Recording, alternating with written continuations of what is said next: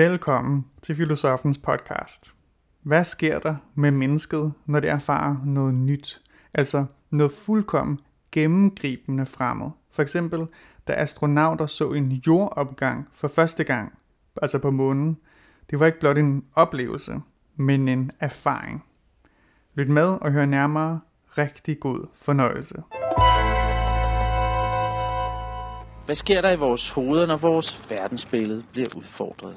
Altså, når vi får en ny indsigt eller viden fra forskningen, der siger for eksempel, at solen er ikke unik eller i universets centrum, men bare en helt almindelig stjerne blandt milliarder af stjerner. Eller hvad med denne her, at alting består af atomer? Har det en værdi? Kan det gøres op i penge? Juleaften 1968 gik den amerikanske rumkapsel Apollo 8 med tre astronauter ombord i bane om månen. Og da de vendte kapslen for at bedre kunne tage billeder af månens overflade, fik de øje på jorden. But I couldn't get a quick enough look at it to see if it might be anything volcanic. Oh my god, look at that picture over there. There's the earth coming up. Wow, that's pretty. Hey, don't take that, it's not scheduled you got a color film, Jim? Hand me a roll of color quick. Oh man, that's cool. Where is it? Quick. It's out here. Just grab me a color. A color exterior. For bag månens horisont steg jorden op med det mørke rum som baggrund. De overraskede astronauter skyndte sig at tage billeder af dette forunderlige og uventede syn, der siges at være årsag til, at miljøbevægelser som Greenpeace og NOAA startede op. Billedet synliggjorde jordens tynde atmosfære og skrøbelighed i det fjendtlige rum. Er den oplevelse værdifuld? Kan det gøres op i penge? Jeg har besøgt filosofen Anders Fogh Jensen, der ved noget om filosofi, og har et bud på, hvad der sker i vores hoveder, når vi ser eller oplever noget, vi ikke havde regnet med. Nu har vi lige hørt det her lydklip, hvor Apollo 8-besætningen, som jo flyver rundt om månen, bliver overrasket over det, de opdager, at øh, der er en jordopgang. Øh, hvilket undrer mig lidt, at de ikke ligesom har været forberedt på det. Og man kan høre i, i lydklippet, at de diskuterer lige lidt, om øh, de skal bruge tid på det, men det bliver de ret hurtigt enige om, at det skal de. Og de tager så det her billede. Hvad er det, der sker i kabinen der for det første? Fordi det, er jo, det lyder jo ret sjovt. Jeg tror, det der sker, det er, at nogle mennesker får en erfaring. Og en erfaring kan man ikke forudsige, hvordan vil hende. Man kan, man kan kontrollere mange ting øh, forud, men, men menneskelige erfaringer vil altid på en eller anden måde føre til et øh, form for, for sammenbrud af et verdensbillede, hvor man må opbygge sig nye verdensbilleder. Og øh, nogle erfaringer er jo lidt større end det enkelte menneskes erfaringer. Det vil sige, at det kan være en, på en måde en erfaring på hele menneskehedens vegne, at, øh, at se øh, jorden stå op, eller se øh, øh, gå på en måne, der har en anden tyngdekraft, eller hvad det nu er. Det, at det, øh, at det, det, det er erfaringer, der er større end det enkelte individ. Jeg plejer gerne at skelne mellem oplevelser og erfaring på den måde, at oplevelser er noget, som, som ikke forandrer en, men som man, man, hvad kan man sige, man forbliver den samme bagefter, som hvis man, hvis man tager en tur i rusjebanen i Tivoli, så kan det være, at, at det, giver, det, det er en oplevelse, men det kan også være, at det bliver en erfaring. Det kan også være, at jeg erfarer noget med mig og tyngdekraften, eller hvordan jeg har det med at, at være lige ved at, at skvatte ned for 20 meters højde. Ikke? Øhm, og, og det, der sker her, det er vel, at der er nogen, der øh, får en erfaring, som, ja, som netop kommer bag på dem. Effekten af det her billede viser jo at blive koloenorm. Hvad var det egentlig, der skete? Der, der, der skete vel det, at vi for første gang så jorden udefra, øh, øh, som vel måske kan sammenlignes med et, øh, et spejlbillede. At, at, at vi ser øh, ud af vores egne øjne hele tiden, men når man så ser sig selv øh, udefra, jeg tror, jeg tror det, det var noget, der lignede et spejlbillede. Eller i hvert fald, at tingene, man kan også sige det på en anden måde, at tingene bliver sat i et andet perspektiv, end det plejer, når man, når man ser jorden stå op, i stedet for solen stå op. Kan man gøre sådan en erfaring op, som vi lige har snakket om, det her med Apollo 8, øh, kan, man det, kan det gøres op i penge, eller kan den forskning, man foretager på Mars, øh, skal den ikke gøres op i penge, men i erfaring? Det er meget svært at sige, hvad, hvad erfaringer er værd i penge, men man kan sige, at hvis ikke vi havde øh, som menneskehed gjort os eksperimenter, som vi overhovedet ikke vidste, om kunne betale sig, så ville vores civilisation jo ikke være, hvor den var i dag. Altså, Hvis ikke vi havde sagt, nu sejler vi ud på det hav, som vi ikke ved, hvor ender, eller øh, nu øh, kigger vi dybt i mikroskopet og bruger mange år på det, jamen så, så, ville, så ville vi ikke have gjort de opdagelser, som vi har, har gjort nu. Så øh, på den måde kan man vel godt sige, at det er umuligt at opgøre, hvad øh, en, et Mars-ekspedition må koste, men at, øh, at vi måske godt kan regne med, at der kommer en eller anden form for erfaring ud af det. Og noget af det, som, som naturvidenskaben sådan rent historisk har bidraget til i forhold til øh, vores måde at tænke på, det er, at den har udvidet eller vores, og forandret vores måde at tænke på.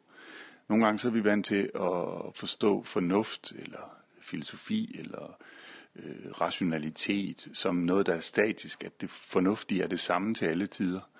Men faktisk har det været sådan historisk, at, at naturvidenskaben har sat nogle spørgsmål op til fornuften, som har gjort, at fornuften har måttet forandre sig.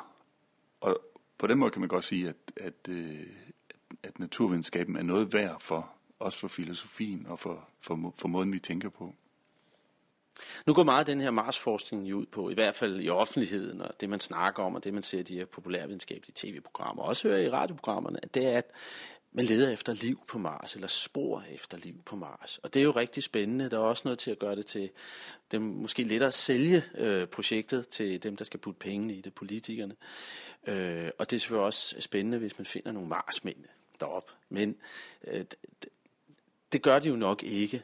Men hvis vi nu tænker tanken videre, at det faktisk lykkedes at finde spor, mikroskopisk spor, at der på et tidspunkt har været øh, grundlaget for noget videre liv.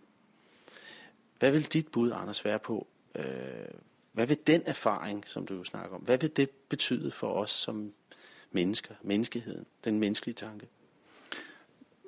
Ja, spørgsmålet er, om vi vil blive fornærmet igen, ligesom vi blev fornærmet, da, da vi fandt ud af, at vi var i virkeligheden en udviklet abe, eller at jorden ikke var universets centrum, eller som Freud sagde, at vi ikke engang var herre i eget hus. Øh, vil vi blive fornærmet igen?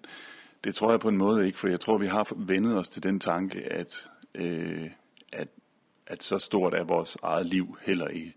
Men det man kan sige, det er, at der forhåbentlig vil være nogle af vores øh, begreber og forestillinger, der vil blive udfordret. Det er jo tit sådan øh, forskningsansøgninger og forskningsbegrundelser i det hele taget, at man nærmest inden man starter skal kunne angive, hvad slutproduktet er og hvad det kan bruges til. Men det er jo paradoks, fordi at Øh, forskning øh, vel egentlig skal være at gå ud af en vej, som man ikke har gået før. Så på en måde så skal man både kunne regne ud, hvordan vejen vil være, og man skal gå ud, hvor der ikke er gået før. Øhm, men der er man jo nødt til at tage chancer og sige, at vi ved ikke, hvad der kommer. Og det man kan håbe, det er, at, øh, at menneskeheden får sig en erfaring, som vil forandre dens billede af universet, eller af os selv, eller af, hvad jorden er. Øhm, eller måske vores, vores forestilling om, hvad er liv, at det, det kan ikke tænkes så øh, binært, øh, som det bliver gjort nu, om noget er levende eller ikke er levende. At, at på en eller anden måde, at fornuften får en udfordring, som gør, at den er nødt til at lave sig om. Det tror jeg er det, man øh, i hvert fald sådan fra filosofien eller åndens side kan håbe på, øh, at bliver produktet af det. Hvis der nu bliver fundet spor af liv på Mars, er der så en opgave for filosofien? Ja, så tror jeg, at øh, filosofien må tænke over, hvad liv er, og øh, gøre sig, øh, om vi kan beholde det begreb om liv, vi har, eller om, om, øh, om det har nogle andre former. Det er klart, at det må stå i dialog med naturvidenskaben for overhovedet at blive, blive synligt for filosofien, hvad det er for en form for liv. Men, men der bliver noget med omkring, hvad liv er, og øh, vil også noget om Øh, placering, vores placering i universet. Men den tanke, synes jeg, vi efterhånden, efter 400 år med den tanke, at vi ikke er universets centrum, så, øh, så tror jeg, at vi har vendet os til det. And I heard